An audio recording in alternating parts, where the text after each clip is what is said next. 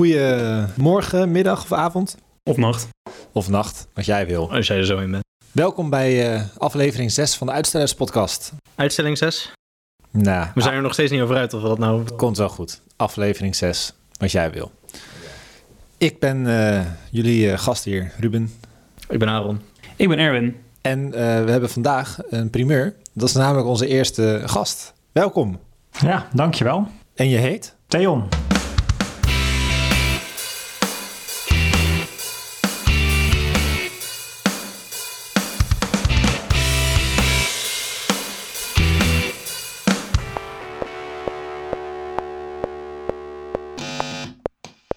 Vandaag eh, hebben we iemand die daadwerkelijk verstand heeft van wat hij doet. Voor de verandering. En ehm, iemand die, die nou ja, Aaron en ik al goed kennen. Want het is onze middelste broer. Dus dan heb je wel eh, iets aan voorgeschiedenis. Maar Erwin, jij kent Theon volgens mij nog niet, hè? Nee. Nee, dat is mooi. Dan mag jij al de vragen gaan stellen. Wat gek. Nee, dat Heb jij- ze opgeschreven? Ik heb ze opgeschreven. Nee, dat komt helemaal goed. Ehm, luisteraars, lieve luisteraars. Theon is onze eh, zeer gewaardeerde broer. Die, ehm, nou, hij gaat zo meteen zelf wel uitleggen wat hij doet. Hebben we nog een leuke anekdote over hem te vertellen? Nee, geen anekdote, maar wel een rectificatie. Oh, ja, ja. Lieve Theon, het spijt ons dat we in aflevering 2 jou misschien minder positief hebben afgeschilderd dan je daadwerkelijk bent. Jij hebt namelijk het meeste van ons allemaal voor elkaar gekregen. En wordt het langst al gewoon structureel uitbetaald. En dat jij dure spullen kocht en er niet zoveel mee deed, dat, eh, dat doet niet helemaal recht aan jou als persoon. Dat zegt gewoon heel veel over hoeveel inkomsten jij weet te genereren uit je werk. Daarom, dus eigenlijk zijn we gewoon heel trots op je. Welkom. Dank jullie wel. En het, is, en het is jullie natuurlijk weer vergeven. Ah, gelukkig. Maar het moest, het altijd. moest wel even gezegd worden. En eh, nu dat uit de weg is, kunnen we weer... eh, Kunnen we ademhalen? Volle bak. Ja, ik heb een paar nachten niet over geslapen. Maar eh, daar doen we verder niet moeilijk over. Nee, eh, ik heb eigenlijk eh, twee hele simpele vragen voor je. En dan eh, voor de rest zien we wel waar het uitkomt. En de belangrijkste vraag is eigenlijk, eh, wie ben jij? Ja, dan is de vraag misschien simpel, maar het antwoord misschien eigenlijk niet. Ehm, Komen al je persoonlijkheden langs. Ja, wil je niet weten.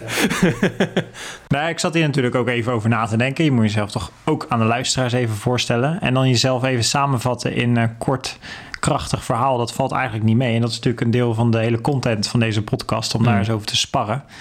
Ehm, maar ik denk dat, ja, als ik het moet samenvatten... dan ben ik een, eh, een leidende, creatieve probleemoplosser.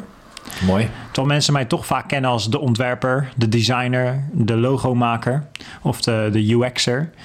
Maar goed, ik ben eh, ja, op dit moment actief als, eh, als leidinggevende. Ik ben leidinggevende van een user experience team van een eh, software eh, IT-bedrijf, of eigenlijk een afdeling in een heel groot olie- en gas service bureau. En ik werk samen een heel groot project met Shell. En daar werk ik ondertussen 6,5 jaar. En dat is echt super interessant. Maar niet altijd eh dichtst bij mezelf, omdat het eh, soms qua creatieve uiting helemaal niet zo spannend is. Dus daarnaast ben ik dan ook nog voor de hobby. Vind ik het heel leuk om eh, ja, mensen te helpen eh, om ja, een soort kickstart te geven aan een idee, kickstart te geven aan een project of een, eh, of een eigen onderneming. En eh, zo vind je mij in de avonturen nog wel eens bij iemand op de bank om eens te sparren over eh, de aanpak en de vormgeving van een startende ondernemer. Dat geeft mij weer energie en een eh, creatieve uitlaatklep. Uh, maar goed, ik ben meer dan alleen maar werken. En ik ben dus niet uh, mijn baan, hoewel ik daar veel tijd doorbreng en daar enorm naar mijn zin heb. Heel goed. Um, ik ben verder, uh, ja, zoals al gezegd, uh, jullie middelste broer. Vroeger eigenlijk een muzikale droom gehad. Dus ik heb nog wat, uh, met wat misschien vervaagde verbinding met jullie tegenover mij als muzikant en gitarist en, en knutselaar. Um, mijn spullen zijn, zoals al uitgelegd in de eerste keer dat ik ben geïntroduceerd, ondertussen verkocht of in gebruik bij anderen. Maar ik help graag andere mensen ook een stuk verder. Dus op die manier ben ik soms de, ja, de, de supplier van andere hobby's. Um, ja, misschien, ja, ik weet niet of jullie nog vragen hebben. Wat, uh... Nou, ik had natuurlijk nog één andere vraag. En dat is eigenlijk, hoe ben je begonnen met wat je nu doet en waarom doe je het nog steeds? Dat zijn, het zijn, het zijn er twee, maar ja, het, is, het is met aan elkaar verbonden. Ook weer een vrij simpele geformuleerde vraag met een misschien heel moeilijk, complex antwoord. Um, mijn kern van mijn, van mijn werk op dit moment is wel gefocust op ontwerp. Mm -hmm. uh, wij zijn uh, gespecialiseerd in het uh, creëren van goede gebruikerservaring voor software die door wetenschappers wordt gebruikt. Ehm, maar voor mij is dat eigenlijk begonnen op de basisschool. eh, toen ik auto's tunede met Photoshop. Daar is mijn ontwerp begonnen. Maar om daar niet verder op uit te wijden, ik denk dat mijn. Want dat is niet heel interessant. En een beetje gênant. maar dat maakt nee. verder niet uit. Als je, als je mijn naam googelt, kom je nog een tekening tegen. Doe ik nog aan wedstrijden mee. Dat doe ik auto's probeerde te tunen. Maar dat, was, ja, dat is inderdaad niet wat mijn LinkedIn gehaald heeft. Nee, maar ik ben vooral eh, een creatief probleemoplosser. En eigenlijk was voor mij in mijn examenjaar van het VWO ben ik eh, actief, kreeg ik een droom om producer te worden. En heb ik eh, na, vanaf mijn twaalfde als DJ op feestjes te staan en toch eigenlijk groter wilde worden dan alleen maar de huiskamer, het bruiloftsfeest of het schoolfeest in de sporthal. Had ik eigenlijk een droom om ook andere mensen verder te helpen met muziek. En ben ik eigenlijk eh, volle bak eh, na mijn middelbare school daarop gaan focussen. En heb ik uiteindelijk het conservatorium ook gehaald. En dan heb ik na twee weken een opleiding sonologie eh, toch geconcludeerd dat eh, de commerciële eh, kant van dat vak niet heel erg perspectief had. En ik zag daar dan eigenlijk ook mezelf niet als artistieke uiter. ja, voelde ik me niet heel erg thuis en was ik vooral op zoek naar wie, hoe gaan we hier geld mee verdienen. En was ik daarin toch een beetje het buitenbeentje. En ben ik na twee weken conservatorium uiteindelijk ook weer gestopt. En toen viel voor mij eigenlijk een enorme droom in duigen. En dat is het hele muziek najagen. Maar waar deuren dicht gaan, gaan eigenlijk automatisch nieuwe deuren open. En dat is voor mij ook eigenlijk hoe ik in het leven sta en hoe ik ben gekomen tot waar ik eh, ben gekomen. Is gewoon continu actief bewust zijn van kansen die er liggen. En eh, opportunities die, je- die je ziet. En daar gewoon kijken of dat bij je aansluit. En dat heeft voor mij echt gedreven om continu stappen te zetten. Ehm, ondertussen ben ik dus ontwerper geworden in een, eh, in een complexe olie- en gasindustrie. En dat was omdat ik eigenlijk op een verjaardag werd uitgenodigd om eens iemand uit de brand te helpen die wel wat creatieve vormgeving kon gebruiken bij het maken van die software. En die had een magazine gezien wat ik had ontworpen voor eh, zijn ouders. En zo is een balletje gaan. Wat ik voor de hobby een beetje knutselde thuis, werd voor een ander gezien als een eh, skillset die hij kon toepassen in zijn bedrijfsvoering. En vanuit daar heb ik mezelf kunnen opwerken en heb ik elke keer meer mogen leren. Heb ik in deeltijd een eh, HBO-studie mogen afronden. En heb ik zo steeds meer kennis weten toe te passen. En op die manier elke keer stappen gezet. En voor mij is dat mijn drijfveer. Is eh, continu kijken waar is mijn volgende stap? Wat wil ik leren? Waar, heb ik, eh, waar zie ik uitdagingen? Wat vind ik leuk om te doen? En wat past uiteindelijk ook wel wie, bij wie ik ben en welke skills die ik heb. En eh, daarbinnen creëer ik eigenlijk continu, soms op dagelijkse basis, mijn eigen job. En ligt die gelukkig bij ons niet zo vast in een job description. En zoek ik vooral naar hoe kan ik waarde, zijn, waarde geven voor het bedrijf. En word ik graag gechallenged uiteindelijk ook door mijn leidinggevende hoe ik waardevol ben. En weet ik gewoon dat ik daar altijd een passend antwoord op kan geven, omdat ik eh, ja, daar naar op zoek ben. En dat is voor mij eigenlijk heel leuk en eh, interessant. En hoe ziet zoiets er dan concreet uit? Bijvoorbeeld, want eh, ik kan me zo voorstellen dat er mensen zijn die dit allemaal horen en denken, maar wat, wat doe je dan eigenlijk? Ehm, ik, ik heb er wel een beeld bij. Misschien is het leuk als je een soort van praktijkvoorbeeld geeft van, van of het nou in je vrije tijd is of juist op je werk. Van wat zie jij als een creatief probleem en, en hoe werk jij dan toe naar een creatieve oplossing? Ja, het is ook wel weer lastig om even natuurlijk een voorbeeld eh, uit de praktijk te pakken. Eh, ik heb sowieso, eh, mijn team bestaat uit drie hele goede ontwerpers. die met verschillende ervaringsniveau en l- lengtes als bij ons werken echt enorm goede designs kunnen maken. En dat is voor mij als leidinggevende super makkelijk, want zij kunnen echt super designs maken. En ik ben vooral aan het verbinden. Ik probeer vooral het proces te verbeteren. En ehm, ik probeer vragen op te lossen in een bedrijf die soms helemaal niet bij ons passen. Zo ben ik voor afgelopen week. ehm, ik zit nu in een commissie waarin we bezig zijn om een strategie en een, mi- een missie- en vis- visie-workshop te organiseren eh, over een aantal, eh, aantal weken. Die voor ons de rode draad moet gaan zijn voor onze komende jaren investeringen. En dan hebben we het over miljoenen investeringen. En ik heb gewoon gesignaleerd dat mensen een opdracht geven, presenteer, geef een presentatie, presenteer je plannen. Dan kunnen we met elkaar een, eh, een roadmap gaan uitstippelen. Dat dat niet zorgt voor eh, een enorme enthousiasme bij de mensen zelf. En uiteindelijk kakt eigenlijk al voordat het de nieuwe traject begonnen is, is de, is de spirit al weg. Nou, als ik, ik ben verantwoordelijk om een goede experience te hebben aan het eind van de rit. En dus ik heb enthousiaste mensen nodig die software maken met een gebruiker voor ogen, met een duidelijke probleemstelling. Dus ik zie het als mijn taak om ervoor te zorgen dat er een duidelijk plan en een duidelijke visie is die uiteindelijk zorgt dat we de juiste keuzes maken en de investeringen goed gemaakt worden. Dus ik ben nu actief met een aantal andere managers uh, aan het brainstormen en faciliteren van hoe kunnen we dat een enthousiaste sessie maken door externe sprekers in te huren die mensen kunnen triggeren en opnieuw aan te kunnen zetten en met creatieve brainstorm sessies interactief proberen kennis en ideeën te delen. Om met elkaar uiteindelijk tot een soort punt te komen waarvan denk ja, dit zijn de doelen waar we voor moeten gaan de komende jaren. En dit is de waarde die dat voor ons als bedrijf heeft. Ja, dat staat niet in mijn, uh, in mijn omschrijving, maar dat is voor mij een voorbeeld waarbij ik uiteindelijk bijdraag aan een resultaat die uiteindelijk uh, gebruikersgericht kan zijn. En daar zit voor mij heel veel winst. En als ik die lijnen uit kan zetten, dan heb ik uiteindelijk een team wat binnen die lijnen enorm goed kan uitwerken. Hmm. En voor hun geeft het rust als er duidelijkheid is en sturing en een uh, bedrijf gecommuniceerd is, ook aan bijvoorbeeld een goede user experience. Wat uiteindelijk ook geld kost om te maken. Want goede designs zijn, die komen niet gratis.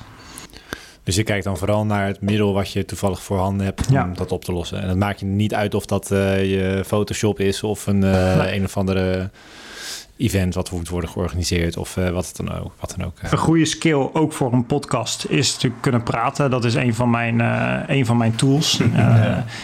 en ik, ik geloof ook heel erg in, een sociaal, in het bouwen van relaties. Dat is voor mij een enorm sterke pillar in hoe ik te werk ga. Mm -hmm. Dus ik bouw relaties op met mensen. En vanuit die relaties weet je uiteindelijk ook kracht in elkaar te vinden. Weet je ook mensen op de juiste plek in, in, de kracht te zetten. Mm -hmm. En probeer uiteindelijk een netwerk om je heen te verzamelen. En waarbij je als een, als een groep en als een eenheid veel sterker kan uh, zijn dan een individu.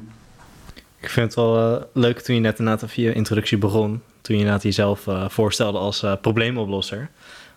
en niet zozeer als ontwerper. Toen deed dat me denken aan een uitspraak van jou van een paar jaar geleden... die, die ik eigenlijk altijd wel een beetje ook zelf heb aangehouden. Dat is dat eigenlijk iedereen designer is. Alleen je lost verschillende problemen op. Hmm. Dus inderdaad, nou, in mijn werk los ik dan visueel problemen op voor mensen... en help ik hun aan een uh, visuele identiteit nou, zo ben jij inderdaad op een andere manier dan nu echt met teams en gewoon met het proces ben je ook aan het probleem oplossen. En bij Ruben die is dan natuurlijk op, uh, op allemaal fronten. Dan nu bij de welke overheidsinstantie was het nu ook weer? Ja, een van de ministeries. Een van de ministeries. Dan uh, ben je daar ook gewoon hun aan het helpen met uh, nou ja, hun problemen oplossen inderdaad. En dan met dat magazine samenstellen. En dan blijf ik gewoon een fascinerend iets vinden van ja, als je het zo bekijkt, ben je niet muzikant of fotograaf. Nee, je bent een probleemoplosser. Je bent een designer jij brengt een design aan de man uh, wat nou ja, in hun behoefte voorziet en hun leven makkelijker maakt. En om, met die insteek naar gewoon naar de professionele wereld kijken, heb ik eigenlijk altijd heel erg interessant gevonden. Want dan stelt het alles op een heel ander perspectief.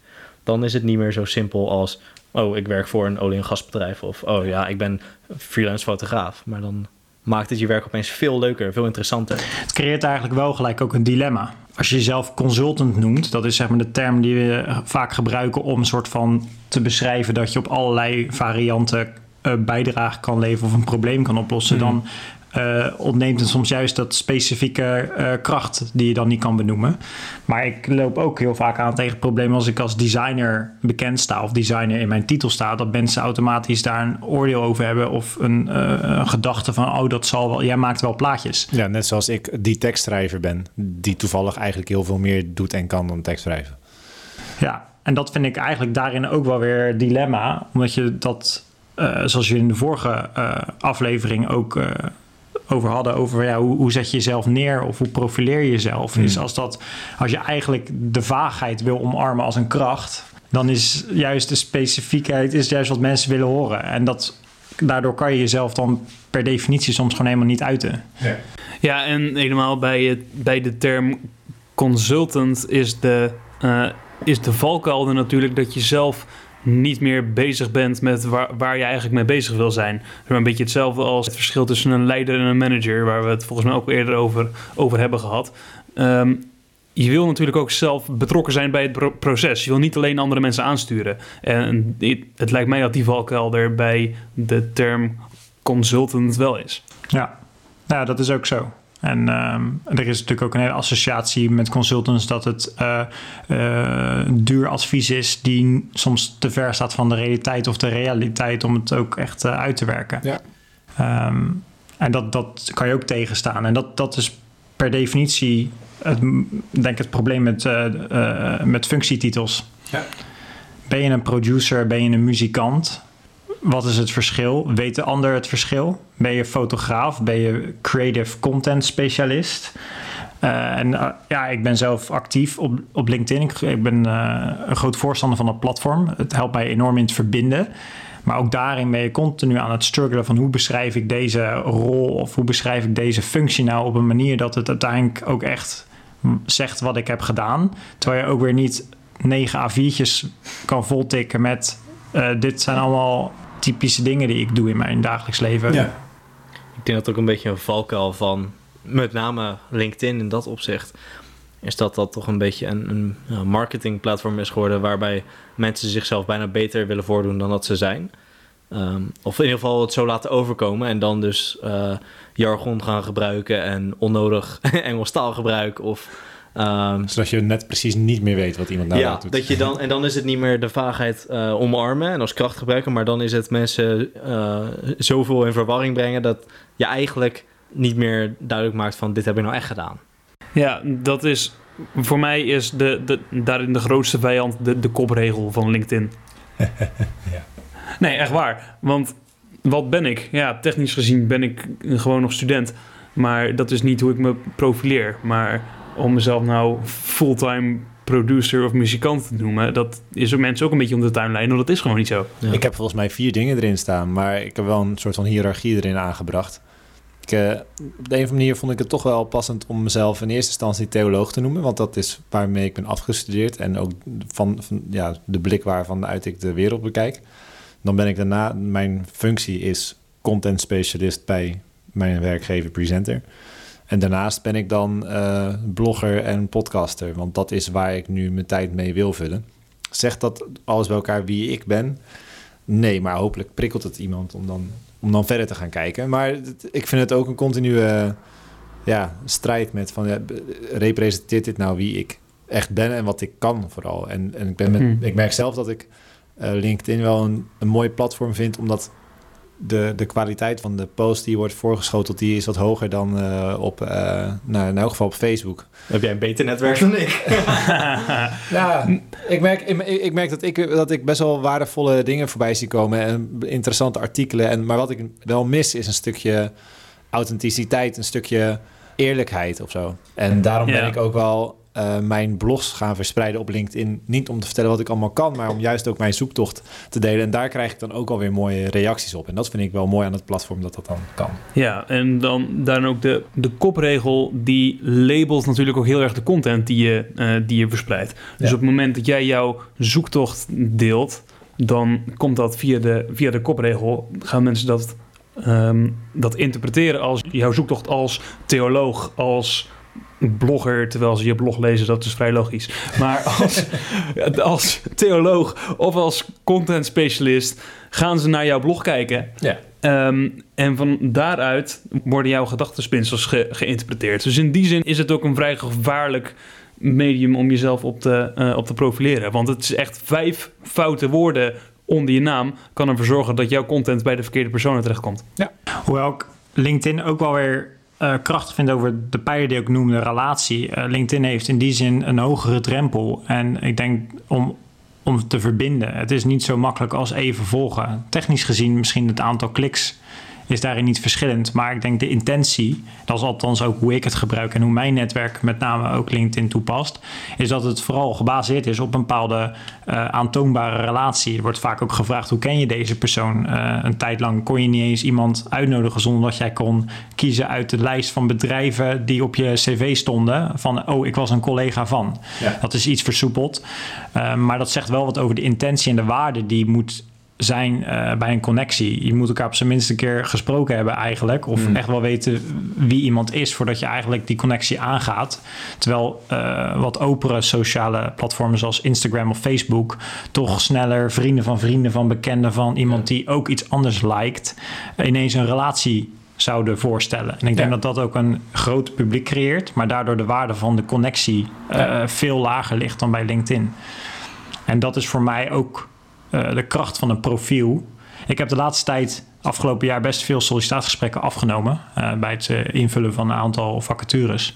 En dat geeft ook een hele andere kijk op hoe je naar mensen en hun profilering kijkt. Omdat je ook ja, aan twee kanten van de tafel eigenlijk heb gezeten of zit op zo'n moment.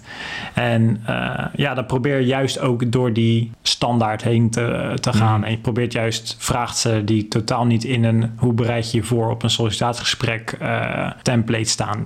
Het cv, ik lees zo'n cv goed door van tevoren. Dat ik weet wat er staat en ik heb van tevoren vragen daarbij. En daar ga ik mee aan de slag. Terwijl mensen die bij mij dan op sollicitatiegesprek kwamen... eigenlijk het gevoel hadden dat ze mij moesten gaan... Uh, alfabetisch of uh, chronologisch door hun, hun, carrière moesten gaan loodsen.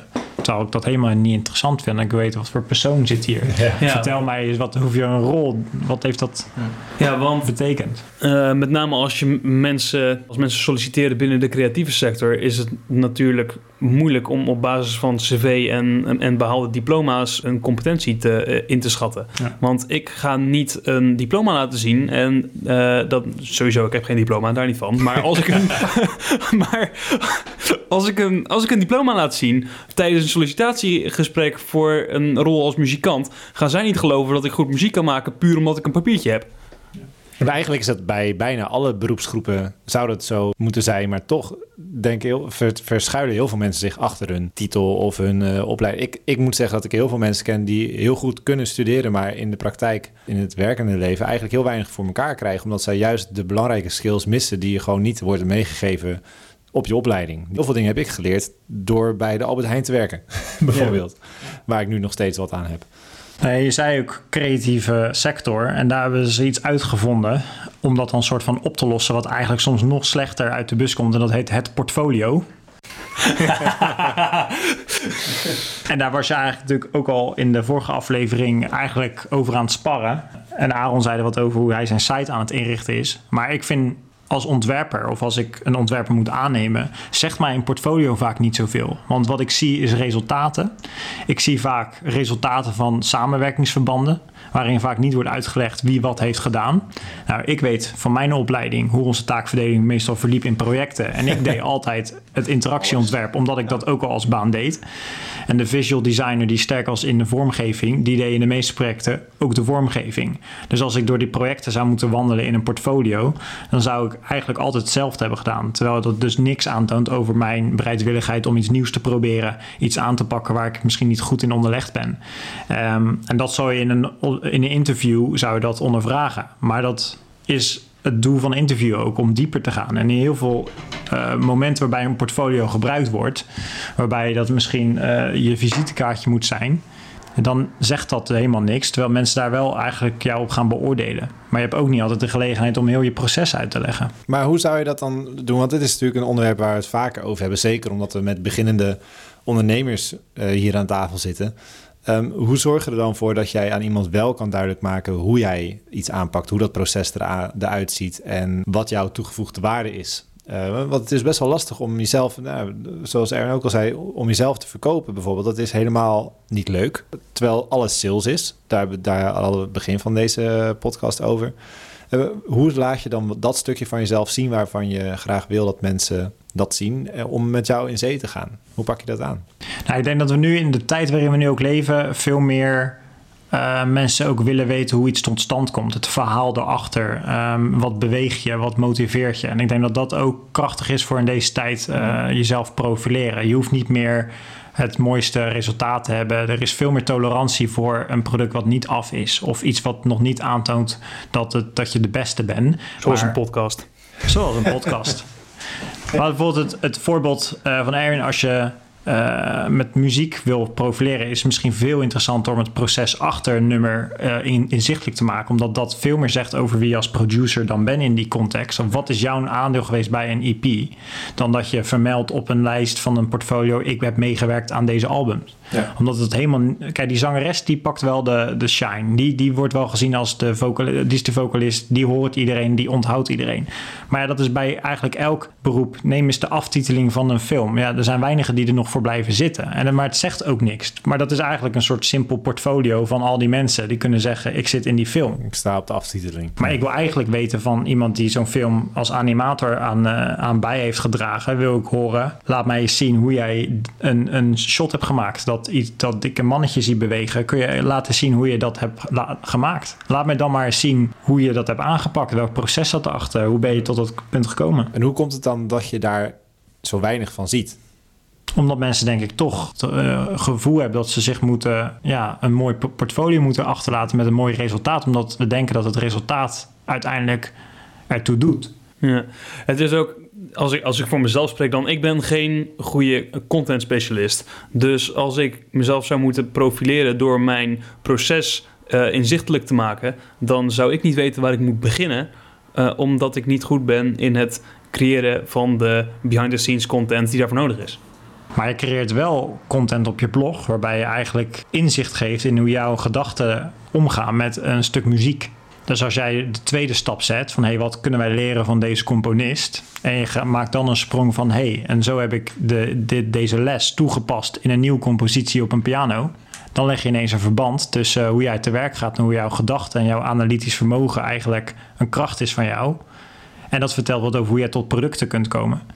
En dan is het vrij, vrij simpel om een linkje naar een Spotify eh, playlist te zeggen van hier kan je het ook nog terugluisteren. maar dan wordt de waarde van dat resultaat ook twee keer groter dan dat ik een piano track hoor. Terwijl ik niet weet, heb jij het opgenomen? Heb jij het afgemixt? Heb je het gemasterd? Of heb jij het zelf gecomponeerd? Dat kun jij niet ontdekken aan het afspelen van het eh, uiteindelijke resultaat.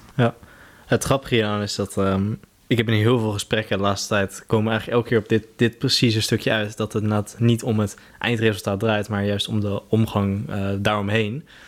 Ik kan nu zelfs een quote gooien van een video die ik voor een bedrijf heb gemaakt, waarin eh, de tagline was: ehm, Service is hetgene waar het om draait. Eh, weet je, het, het eindproduct, daar zijn we een beetje vanaf. De highlight reels, die boeien niet. Maar als jij iets kan maken in een samenwerking en die samenwerking is dusdanig prettig dat mensen dat vaker met jou willen doen, ja, dan zit je goed. En waar ik het net eh, voor deze podcast even met Erwin, eh, toen we buiten stonden praten, eh, ook over had, is de waarde van met name een platform zoals YouTube. Dat ik nu steeds vaker omheen hoor dat mensen daar heel veel meer waarde voor hun eigen bedrijf uithalen. Juist omdat mensen zo gefascineerd zijn met het proces. Um, een voorbeeld dat ik dan noemde is uh, wat ik een paar weken terug voorbij zag komen. Dat was dan een uh, leermaker, of iemand die met leer uh, producten maakt. Die is dat maar uh, gaan filmen en op YouTube gaan posten zonder enige tekst, niks. Het was zo'n uh, ASMR-video waarbij eigenlijk alle klikjes en alle geluidjes uh, van het schaven van het leer en het snijden en alle dingen, dat hoorde je. En je zag, het was heel mooi gefilmd, dus dat zag je ook. En die man die zei later in een podcast, zei die, nou ja, sinds ik dat ben gaan doen, zijn mijn sales van mijn bedrijf, van mijn leerbedrijf, zijn echt veel hoger geworden. En als ik een specifiek uh, video maak over een specifiek product, gaan ook de orders van dat product opeens omhoog. Dus blijkbaar hebben mensen echt iets met uh, een fascinatie met het proces eromheen. En hoe meer mensen daarin kan betrekken en uh, je eigenlijk een soort van een relatie opbouwt met mensen die je niet eens kent, ja, daar, daar zijn mensen blijkbaar naar op zoek. Die verbinding. Ja, en ook in de bredere lijn daarvan is het belang van audiovisuele media is gewoon zo belangrijk, omdat iedereen er nu toegang tot heeft. Dus uh, ook het belang van zelfs het, het geschrevene, zeg maar, wordt daardoor ook een, een stuk minder. Sorry, Ruben. maar, nee, het, het, belang van zeg maar het, uh, het, het geletterde. Uh, en ik heb hier wel een paar, een paar papers aan, aan gewijd. Het belang van het geletterde, van het geschrevene, uh, wordt steeds minder op het moment dat mensen ergens ook naar kunnen kijken. En zeg maar hun, hun blik en hun, hun oren worden geleid naar datgene wat, wat gezien moet worden. Dus in het geval van zo'n leermaker, die kan uh, hele mooie uh, social media posts maken. waarin hij zegt: dit is wat ik doe en uh, dit, is, dit is hoe ik het doe en dit is hoe ik tot mijn resultaat kom. Op het moment dat je het ziet, dat je het voor je ziet, is de boodschap gewoon zoveel sterker, omdat dat tegenwoordig de norm is. Ja. Ik denk dat alles terugkomt op communicatie. Ik heb een communicatieopleiding gedaan. Ik ben een experience designer. Dat gaat over veel meer zintuigen dan, dan we eigenlijk vaak denken.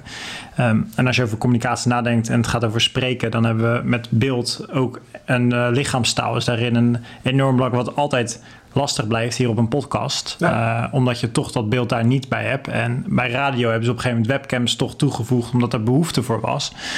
Ehm, en daar zie je dat eigenlijk het ook niet het een of het ander elkaar gaat uitsluiten. Het is heel erg een bepaalde communicatie die je pakt. Voor mij is visueel communiceren een van mijn krachten. Ik kan daar snel verband leggen. Ik kan daar snel een taal in spreken. En ik ben geletterd gewoon echt niet goed. En D's en T's zijn nog steeds een probleem. Maar ik denk dat dat in universeel is voor, wij, eh, voor ons als mens. Is eh, communiceren we op de manier die op dat moment voorhanden is. Die op dat moment het meest efficiënt is. En het meest eh, ons doel uiteindelijk bereikt. Maar het kiezen van de juiste toe en het laten zien hoe dat uiteindelijk tot het doel leidt. Is denk ik waardevoller dan alleen maar de actie. Want dat is wel wat je voor ogen hebt. Maar dat als de, als de vuilnis ophalen eh, de metafoor zou zijn. En een vuilnisophaalbedrijf laat op zijn website alleen maar lege containers zien als foto. Dan zegt dat ons niet zoveel. Maar een foto van mensen achterop een vrachtwagen. eh, die door weer en wind door je straat rijden. Die altijd even een handje opsteken. En die jouw afval in die kar gooien. Dat is het proces. En dat zegt uiteindelijk ons veel meer dan een lege bak die weer terug staat op de stoep. En daarin denk ik mogen we ook veel meer trots zijn op dat, dat onvolmaakte proces. Dat de, de stinkende vrachtwagens soms of de, Ja. ehm, de moeilijke fases. Omdat die ons wel wat zeggen over hoe we uiteindelijk tot dat product gaan komen of zijn gekomen. Ik vind het een, eh, een waardige afsluiter voor vanavond. Want hier kunnen we nog wel uren over doorpraten, denk ik. Wat zou ik ook hartstikke graag willen. Maar het wordt ook laat. Hebben we nog een laatste gedachte die we met onze luisteraars willen delen... voordat we nogmaals op de rode knop drukken? Niks meer aan toe te voegen, hè? Nee, dat, eh, Nou, bedankt dat ik eh, de eerste gast mocht zijn in jullie eh, Ja, podcast. je, hebt, je hebt je met verven eh, heb je, je rol ingevuld. ik hoop dat we je nog vaker eh, terugzien. We gaan eh, zo meteen even een evaluatieformulier invullen. Nou voelt het toch weer als een sollicitatiegesprek. Terug bij één. En misschien is dit een veel betere vorm van solliciteren. Gewoon iemand uitnodigen voor een podcast. En eh kijken waar Dan is het sowieso altijd awkward voor beide kanten. Ja, precies. precies. Level, level playing field. En wat, wat merkte ik bij de allereerste op podcast die we opnamen, de testpodcast, merkte je al dat je, omdat je jezelf in zo'n setting forceert, ga je ook al meteen diep. En je Ja. leert elkaar eigenlijk veel sneller, veel beter kennen dan dat je in 180 verjaardagen kan. ja, en, en, en, en, hoewel in het begin dat misschien moeilijker vonden, maar ik heb het idee dat we elkaar ook steeds beter laten uitpraten. Eh, wat ook betekent dat je beter kan nadenken over wat je wil vertellen. En dat mijn werk echt veel makkelijker wordt. Want Aaron die is degene die dit allemaal knipt en mixt. En ervoor zorgt dat het ook nog enigszins plezierig is aan je oren. Shout-out Erwin, wat een held. Eh, en Theon, voor we je laten gaan, eh, kan men ergens nog jouw, eh, niet portfolio, maar het proces achter de dingen zien? Of moet het nog komen? Dat moet eigenlijk nog komen, want ik heb een hele mooie site met hele mooie resultaten. maar ook daarin is het niet volmaakt. Je mag me vooral op eh, LinkedIn is het meest eh, up-to-date. En daar kan je zien. Maar ook dat ga je niet veel zeggen. Maar wie weet vind je me een keertje, kom je me een keer tegen. Gaan we vooral eh, de babbel aan. Want eh, relaties, eh Mocht je nou toch geïnteresseerd zijn in je eindresultaten, theon.nl. theon.nl. Want wie heeft er nou zo'n unieke naam als Theon dat het gewoon een domein wordt? Dat Ideaal. is toch fantastisch. Oké, ik, eh, ik rond hem af voor vanavond. Mooi eindproduct.